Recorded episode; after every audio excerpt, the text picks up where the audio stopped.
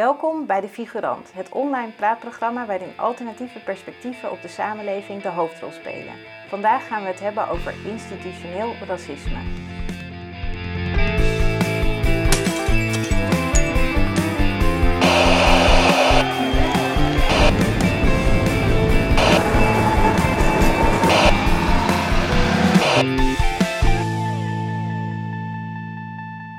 Wordt de laatste jaren stevig gedebatteerd over de vraag hoe racistisch Nederland is. In de discussie over Zwarte Piet wordt duidelijk dat veel mensen zich snel beledigd voelen. Maar we bedoelen het toch niet racistisch, wordt vaak gezegd. Bij racisme denken mensen vaak aan personen die andere personen bewust beledigen op basis van hun huidskleur. Maar racisme gaat verder dan de goede of juist slechte bedoelingen van individuen. Het zit ook structureel ingebakken in onze samenleving. Wat is institutioneel racisme? Hoe komt het tot uiting en wat kunnen we doen om het aan te pakken? Hier praat ik over met twee gasten, Nawal Mustafa en Gideon Everduim. Gideon, jij bent uh, spoken word artiest en rapper en ook docent in de Bijlmer in Amsterdam. Ja. Uh, ook bekend onder de artiestennaam Gikkels. Uh, en je bent ook een van de uh, initiatiefnemers van de campagne Controle Al Delete tegen, tegen etnisch profileren door de politie. Ja. Nawal, jij bent werkzaam geweest bij Amnesty International. je bent ook heel uitgesproken in het debat over racisme, discriminatie en islamofobie. en binnenkort ook als onderzoeker verbonden aan de universiteit. Uh, met jullie ga ik het hebben over institutioneel racisme en de verschillende gebieden waarop dat uh, uh, tot uiting komt. Vooral gaan we ons richten op ehm, wat het doet op het gebied van justitie, op het gebied van economie, op het gebied van onderwijs. Maar eerst even over dat begrip. Wat betekent institutioneel racisme nu precies? Gideon, wat, kan jij jouw definitie geven? Ja, het is best wel een ingewikkelde term. Ik denk, heel veel mensen raken ook in paniek als je zegt institutioneel racisme. Waar, waar heb je het precies over? Voor mij is het best wel duidelijk. Het, het is voor mij eigenlijk um, racisme vanuit het instituut. En dan praat je over overheidsorganen uh, het onderwijs. Het, het, het, is niet op de man af, op de persoon af, maar echt in het systeem. En het systeem is heel breed en, en is ook heel diep. En, en, en dan kan je alle kanten op gaan. Je kan het over de onze financiële sector hebben, je kan het over het onderwijs hebben, hè, zoals je net ook al aangeeft. Uh, maar je kan het, uh, je kan het ook over um, arbeidsmarkt hebben. Dus um, je kan echt alle kanten op gaan. En daarin kan je ook nog het hebben over media.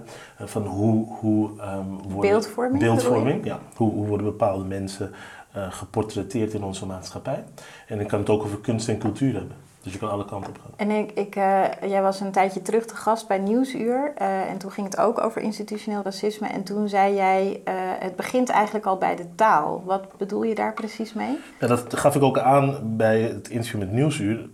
Als wij over elkaar spreken, spreken we niet als één, ja, één Nederland, maar dan hebben we het over een allochtoon of een autochtoon. Uh, witte school, zwarte school. Daarin zit segregatie. Daarin zit ook een keurmerk van goed en slecht. En ten alle tijden wordt er gesproken over hetgeen wat niet positief is, wordt er slecht gesproken. Dus een, een zwarte school, als ik aan je vraag van hoe zit het qua cijfers, weet je, gemiddelde cijfers, uh, bij de CITO bijvoorbeeld, zeg je, oh nee, slechte school. Uh, als we het hebben over in het nieuws, hoe, worden, hoe wordt er gesproken over allochtonen, is het vaak negatief. Maar ja, dat is, we kunnen, we kunnen, niet, we kunnen niet zeggen dat het een conspiracy theorie is. Dat wordt in stand gehouden. Er is een, een, een, instituut die dat creëert, die dat oplegt op mensen om zo te spreken. En, en, en dat is Nederland. Dus er wordt onderscheid gemaakt tussen verschillende groepen Nederlanders, waarbij uh, het met de ene groep beter lijkt te gaan volgens de publieke opinie dan met de andere groep. En de nadruk komt steeds te liggen op die groep waar, waar een soort slecht imago van bestaat. En dat wordt, zeg jij, in stand gehouden door instituties. Hoe, hoe gebeurt dat precies? Nou ja, uh, voor mij is uh, institutioneel racisme historisch uh, ontstaan. Het heeft historische roots, het is structureel, het is iets wat door ideeën over de ander is gevoed.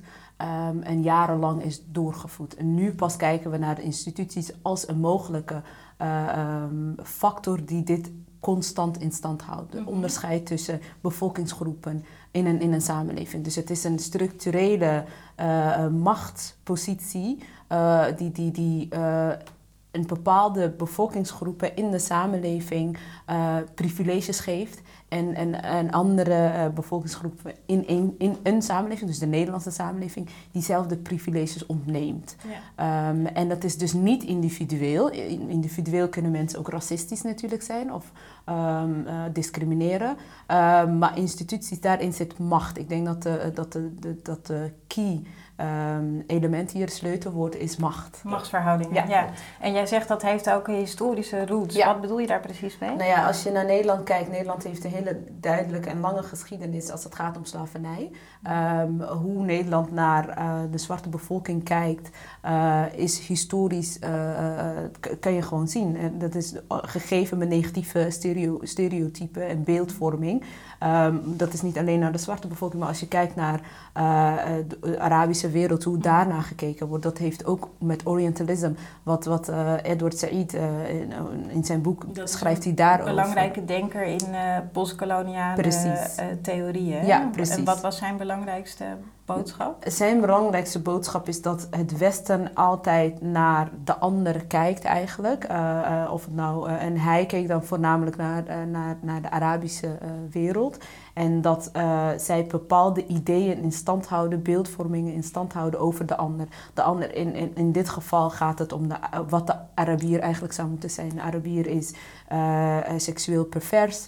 Um, de vrouwen zijn onderdanig of mhm. zijn um, submissive. Uh, dus onderdanig inderdaad. Dat zijn ideeën die constant in, uh, in, in media, in boeken, in schilderijen, in, um, op, op, in films, muziek, dat komt steeds weer terug. En ja. dat, dat geldt ook als, als, je kijkt, als je kijkt naar hoe wit over zwart denkt. Dat zijn dezelfde ja. uh, ideeën. Die dan de zwarte bevolking zou intellectueel uh, lager uh, zijn, het zou gaan of agressiever. Ehm, wat steeds een opkomende beeld is dat zwarte mannen niet voor de kinderen zorgen. Dat zijn allemaal stereotypen die met de paplepel ingegoten zijn. Dus het gaat niet alleen over zwarte Nederlanders, maar nee. ook over een, een mensen met een Arabische achtergrond, over moslims. Ja, het gaat om de ander. Het gaat, Je hebt wit, dat is dan de, de, de, per definitie de standaard. Mm -hmm. En alles wat daarvan afwijkt is de ander. En de andere is daardoor uh, uh, heeft minder goede kwaliteit. Ja. En uh, daarin wordt er een verschil weer gemaakt. Hè? Dus vroeger was het hier in Nederland, de Joden waren de ander. Mm. En dan hadden zij een, een, ondergeschikte positie ten opzichte van witte Nederlanders. Mm. Uh, nu zijn het zwarte Nederlanders, het zijn Marokkanen, het zijn Turken, ja. het zijn vluchtelingen. Ja. Die dus de ander zijn. Dus het zijn ja, eigenlijk grote stereotype ja. beeldvormingen die vaak negatief zijn. Uh, heel eenzijdig in ieder geval. Met uh, historische wortels in het koloniale verleden, in, in slavernij. Die op structureel niveau de levens van mensen beïnvloeden. Dus het is echt een heel complexe problematiek. Hè? Eigenlijk heel, heel groot. Maar het heeft het heeft duidelijk uh, echt effect op, op mensen in hun levens. Uh, hoe, hoe, wat, wat krijgen mensen daar nou van mee in hun dagelijks leven? Kan jij daar iets over zeggen? Misschien vanuit jouw persoonlijke ja. ervaring ook. Jij, jij komt uit de Bijlmer en je bent daar ook nog steeds heel actief, ook met jongeren.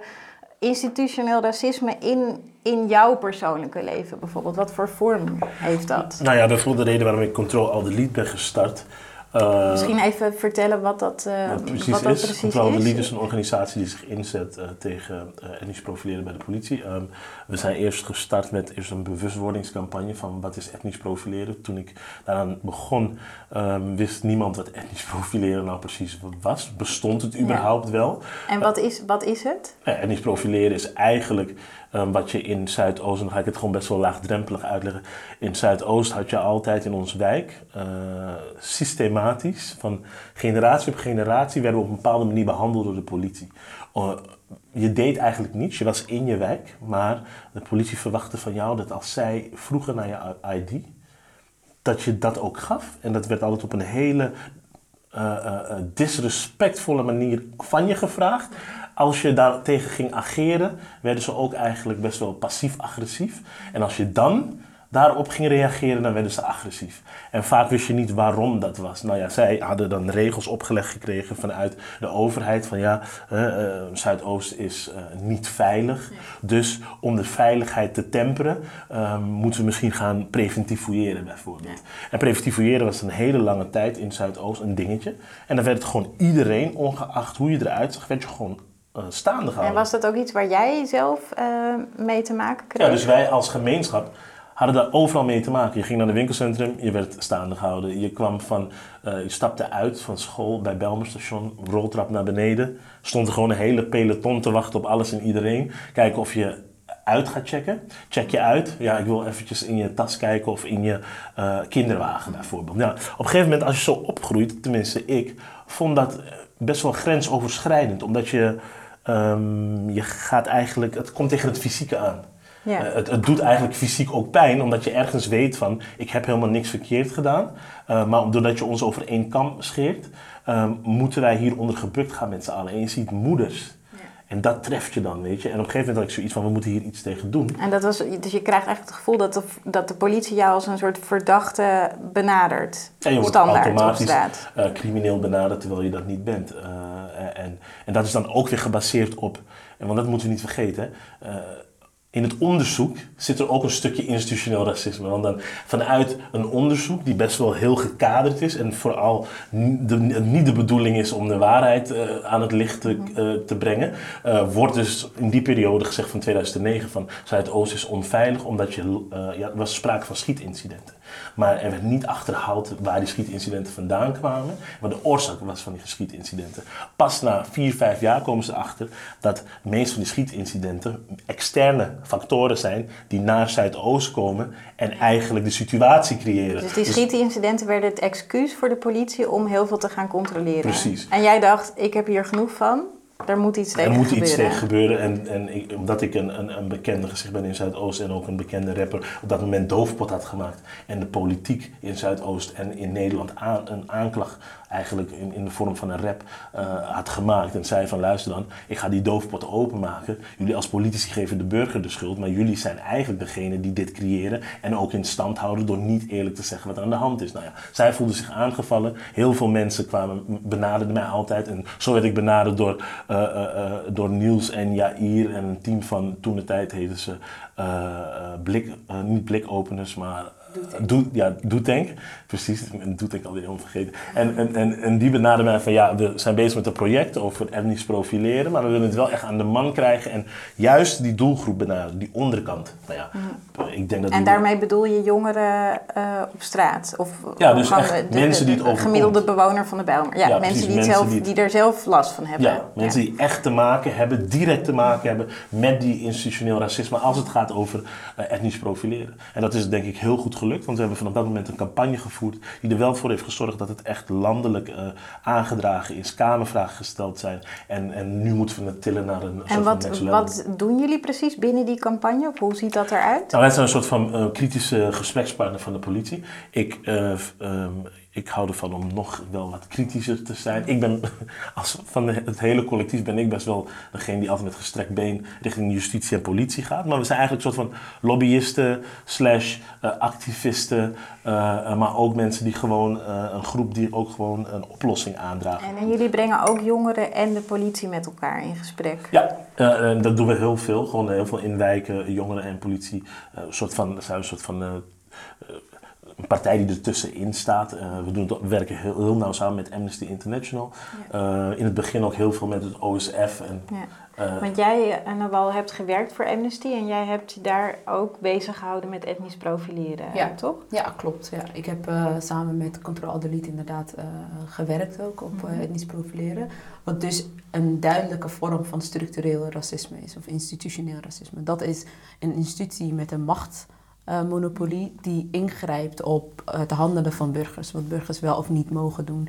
En eh, dat doen ze op basis van stereotypen en niet op basis van eh, eh, ehm, duidelijke kenmerken die, die, die een, een, een duidelijke daderprofiel bijvoorbeeld. Ja. Het, het be- hele bevolkingsgroepen eh, structureel eh, profileren eigenlijk en eruit pikken.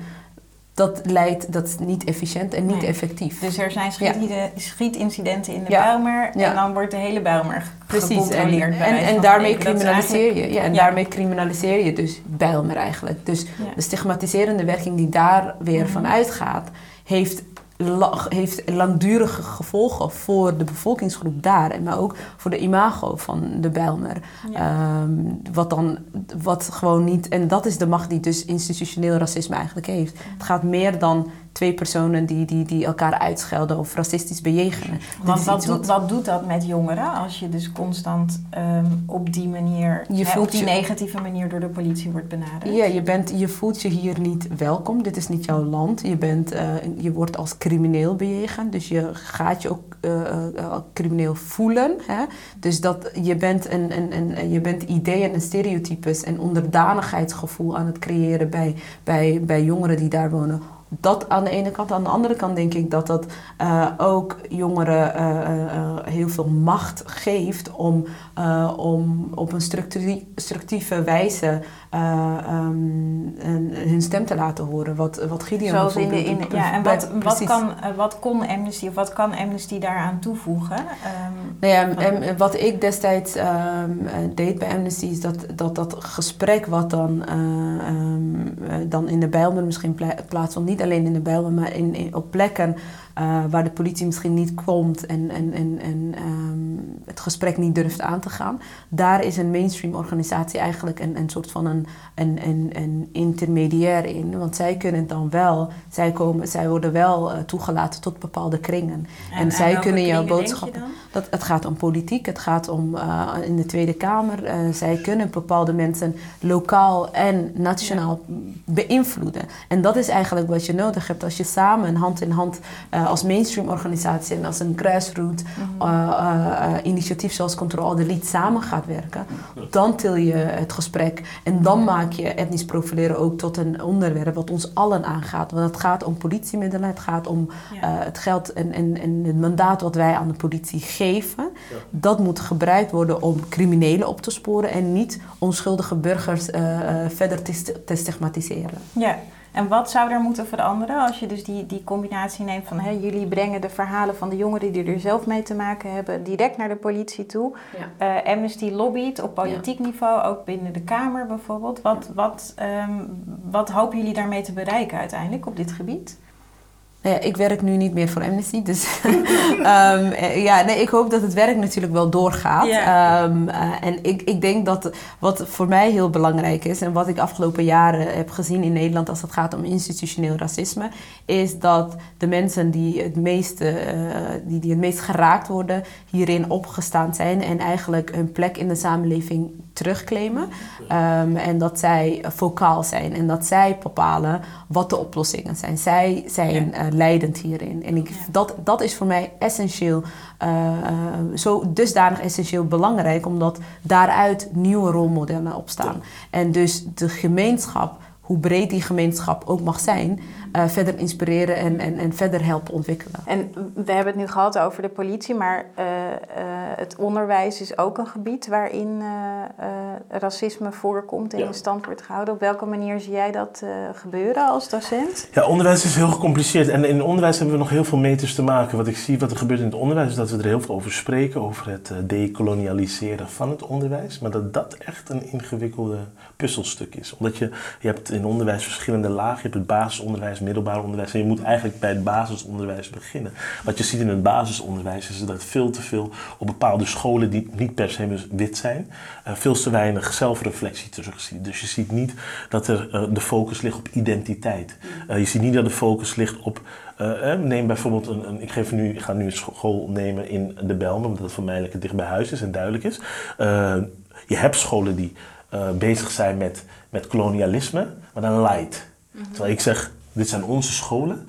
Als men wil pretenderen dat een zwarte school in de statistieken er slecht voor staat, laten we dan zelf ervoor zorgen dat het er goed voor staat en dat we er een hele andere draai aan geven. Eh, maar het is wel het instituut wat het wel zo creëert dat we spreken van zwarte scholen en witte scholen. Waarom doen we dat? Als we zeggen dat we eh, allemaal Nederlandse staatsburgers zijn en allemaal belasting betalen, waarom op het moment dat we het over het onderwijs hebben, is er toch een verschil daarin? Waarom krijgt een, een zwarte school minder subsidie?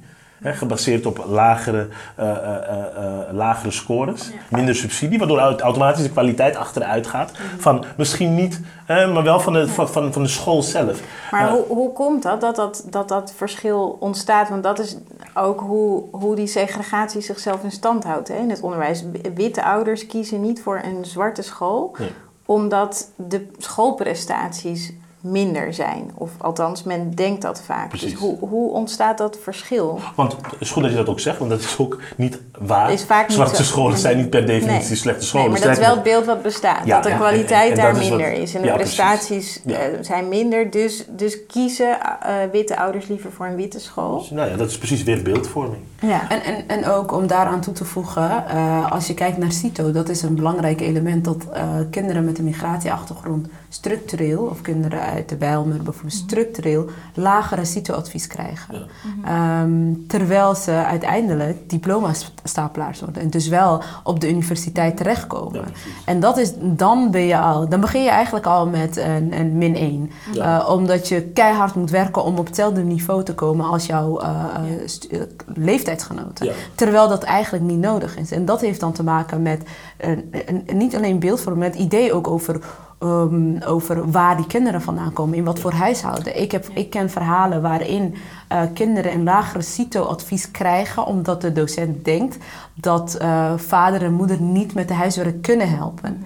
Dan ga je, dan ga je dus allemaal dingen invullen. Met, uh, sociaal-economische achterstand te maken? Ja, dat denk ik. Omdat dus je dan, dan, dat is dan het derde domein, hè, wat er ook bij komt kijken. Dus economie. Wat, wat heeft dat met institutioneel racisme te maken?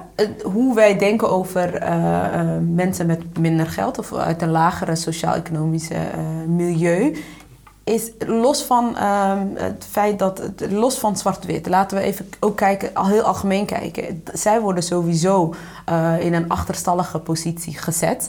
Um, dat zie ik uh, als ik het heel persoonlijk maak. Ik, kom, ik ben opgegroeid in Oost-Groningen, uh, Winschoten.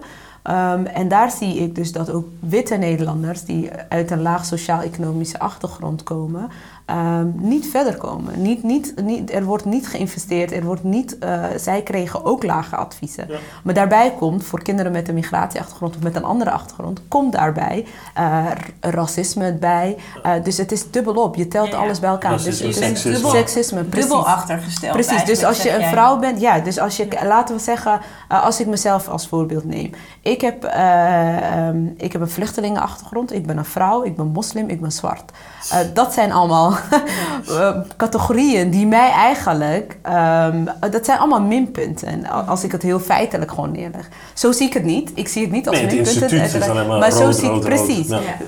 Feitelijk gezien zou ik nooit een universitaire opleiding kunnen doen. Ik heb, ik, ik heb ook een MBO, uh, eh, VMBO-advies gekregen toch doseer ik aan de universiteit en heb ik een universitaire opleiding gedaan. Dus jij hebt jezelf eigenlijk extra moeten bewijzen om die ja. optelsom van minpunten te overcompenseren eigenlijk. Ja, en dat is iets wat je... Plek nou ja, het is niet bewijzen. Ik denk dat ik het altijd in mij heb gehad. Het is alleen dat anderen het niet zagen. En anderen kijken met een bril naar mij. Een verwachtingspatroon waar ik uh, wat niet, niet realiteit is. Want de verwachtingspatroon die zij van mij hebben is dat ik het nooit zou kunnen. Terwijl ik het altijd in mij heb gehad. Ja, en ik denk ook dat ze, dat ze um, dat het niet eens bewijs is, maar dat ze obstakels op jouw pad neerleggen, neerleggen die nergens voor nodig zijn. En eigenlijk uh, haar sociaal-economische positie zo in het geding komt, want ze heeft een veel langere aanloop nodig om uiteindelijk te doen wat ze eigenlijk vanaf het begin al kon doen. Precies. Dus er wordt niet naar jou als, eh, als, als individu met jouw capaciteiten gekeken, maar er wordt een stereotype beeld van jou neergezet en op basis daarvan word jij beoordeeld in ook de institutionele sfeer. Dus in het onderwijs, op school bijvoorbeeld, of op straat. Precies, maar ook als ik een baan zoek, um, uh, daar komt het al. Hoe werkt dat voor jou? Want jij zegt ook van ik ben en moslim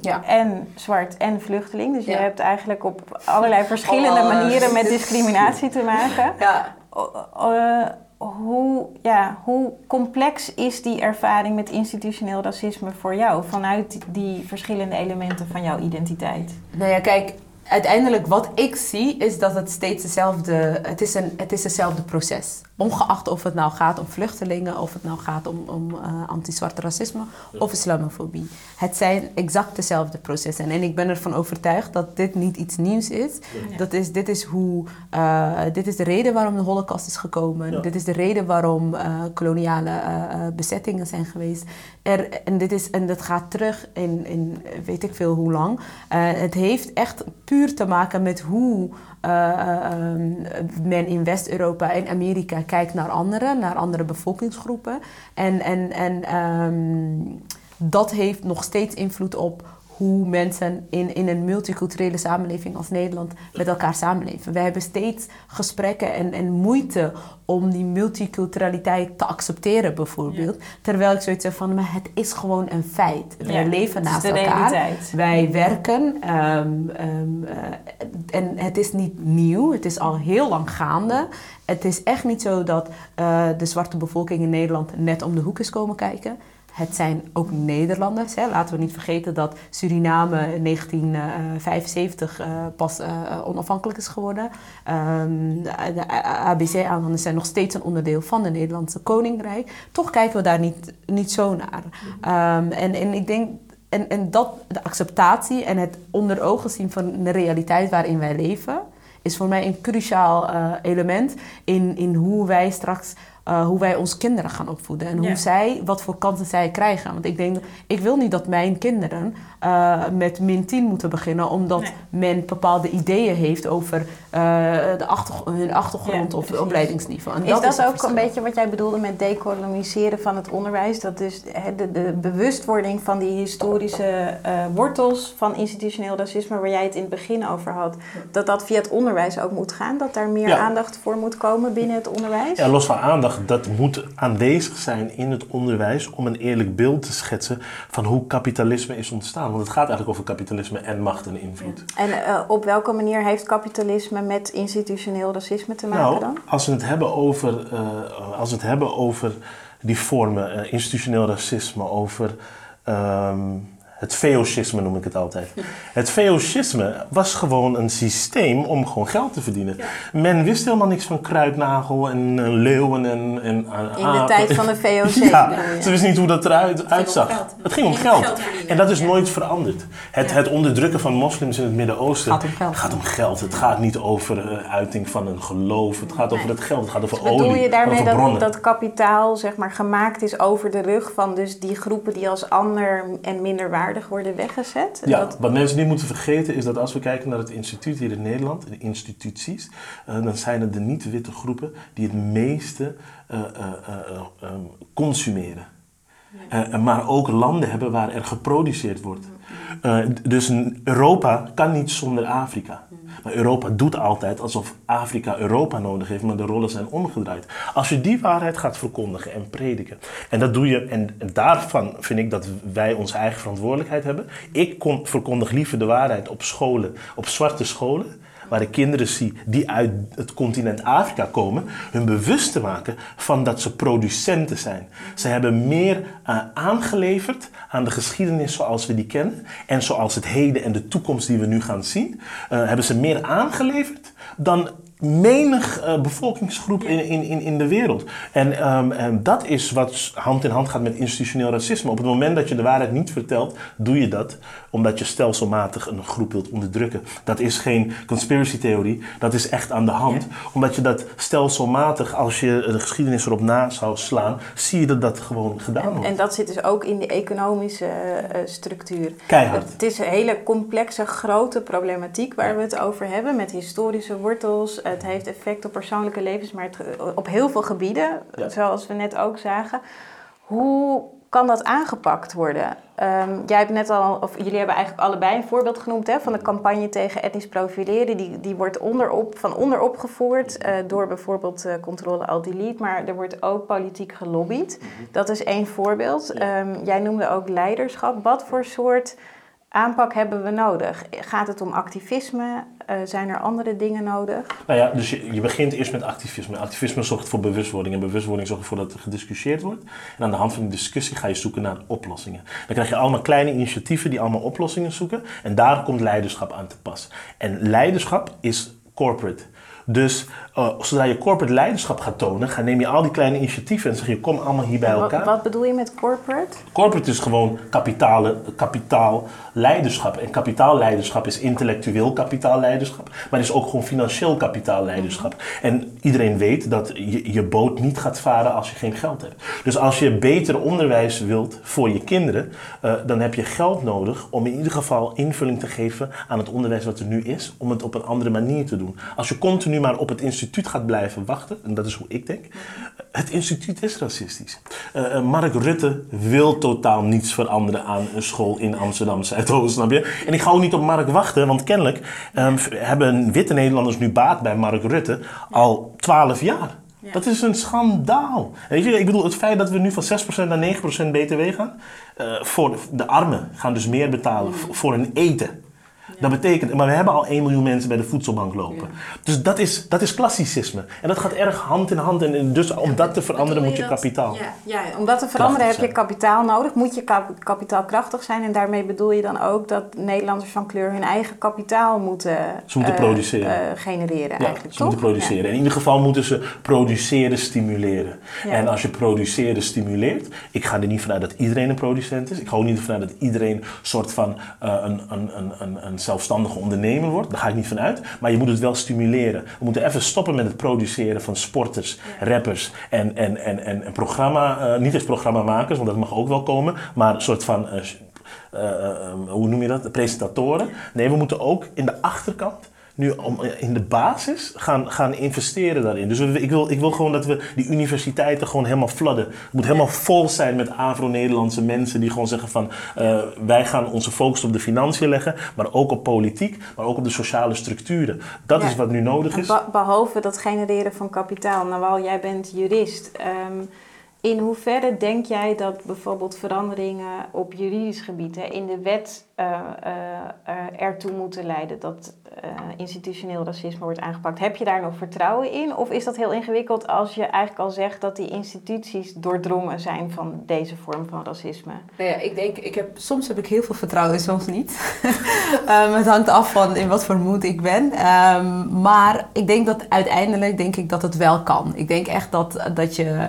Um, waar Gideon nu over heeft, is ook uh, diversiteit hè? En, en, en, uh, in, in instituties. En diversiteit is echt niet een poppetje daar neerzetten en, en that's it. Het gaat om, nogmaals, macht en geld. Um, en, en, en als je uh, op de universiteit rondloopt, dan zit je in een afhankelijk van je positie zit je in een machtige positie. Ik kan mensen naar binnen halen die jij misschien niet uh, naar binnen zou kunnen halen. En dat is dus de verandering die we nodig hebben. Dus dat je op verschillende plekken mensen hebt die een, een soort van een andere bevolkingsgroepen in de samenleving vertegenwoordigen.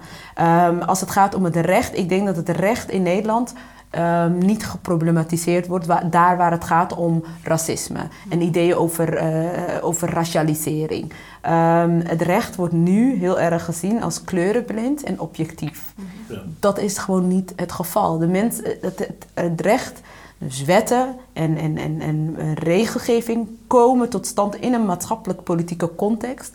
Dat moet je erkennen en dat heeft invloed op wet, vorming van wetgeving, maar andersom ook. Wetten institution, institutionaliseren racisme ook. Als je heel concreet gaat kijken naar alle wetgeving rondom islamofobie, uh, ik, noem, ik noem het de islamofobie-wetgeving, als je gaat kijken naar, naar, naar gezichtsluiers die verboden worden, dat zijn wetgevingen die dus racistische discours in Nederland institutionaliseren onder de vermomming van veiligheid. Oké, veiligheid, maar veiligheid van wie? Is het mijn veiligheid? Of, of, of gaat het, het gaat ten koste van mij om, om, om de veiligheid van anderen te garanderen? En daarom geloof ik er wel in. Ik denk dat het gewoon, vooral in, in, in, in rechtsvorming in Nederland, is er helemaal, het zijn er heel weinig kritische geluiden. Ik denk dat dat echt veel beter zou moeten. En hoe zou dat kunnen, uh, hoe zouden die geluiden, uh, hoe kunnen we die versterken? Ik geloof enorm in, in activisme. Ik denk dat wij uh, bewustwording te danken hebben als het gaat om racisme in Nederland ook aan radicale activisten. En ik geloof dat zij ervoor zorgen en ruimte hebben gecreëerd om nu diepgaander na te denken over: oké, op welke vlakken kunnen we nog meer de institutie onderzoeken en decoloniseren? Niet alleen in het onderwijs, maar ook in het recht, ook bij justitie, ook in, op de universiteiten, ook in de media. Dus ik geloof er wel in. En ik denk dat je met. Ehm, met, met gesprekken, met onderzoek, met uh, veranderingsstrategieën, die dus ook gebaard gaan met geld. Ik, ik denk dat gewoon instituties, wil je diversere instituties zijn, dan moet je gewoon wat inleveren. Dat betekent dat je geld moet uh, investeren, dat betekent dat je plekken vrij moet maken. Dat gaat dus ten koste van ja. de witte mensen die daar rondlopen. En het geld moet je geven aan niet-witte mensen. Ja. Dus het gaat om macht. hè? Jij had het net over macht. Dus uh, machtsposities creëren, voor Nederlanders van kleur in het onderwijs, maar ook op economisch gebied, op politiek en juridisch gebied. Ja. Uh, er gebeurt al veel, hoor ik van jullie, in, in de vorm van activisme, maar ook in de vorm van lobbyen. Ja. Um, we kunnen er nog heel veel over zeggen, maar ik denk dat jullie hebben laten zien dat er een hoopvol uh, uh, begin is gemaakt. Al een tijd geleden, dat er veel gaande is. Ja. Um, ik ben benieuwd hoe het zich verder gaat ontwikkelen. Uh, ik hoop er nog veel over te horen de komende tijd. Het gaat wel zeker lukken. Ja. Dank jullie wel, Gideon, Nawal. Ja. Dit was de vierde aflevering van De Figurant. Graag tot de volgende keer.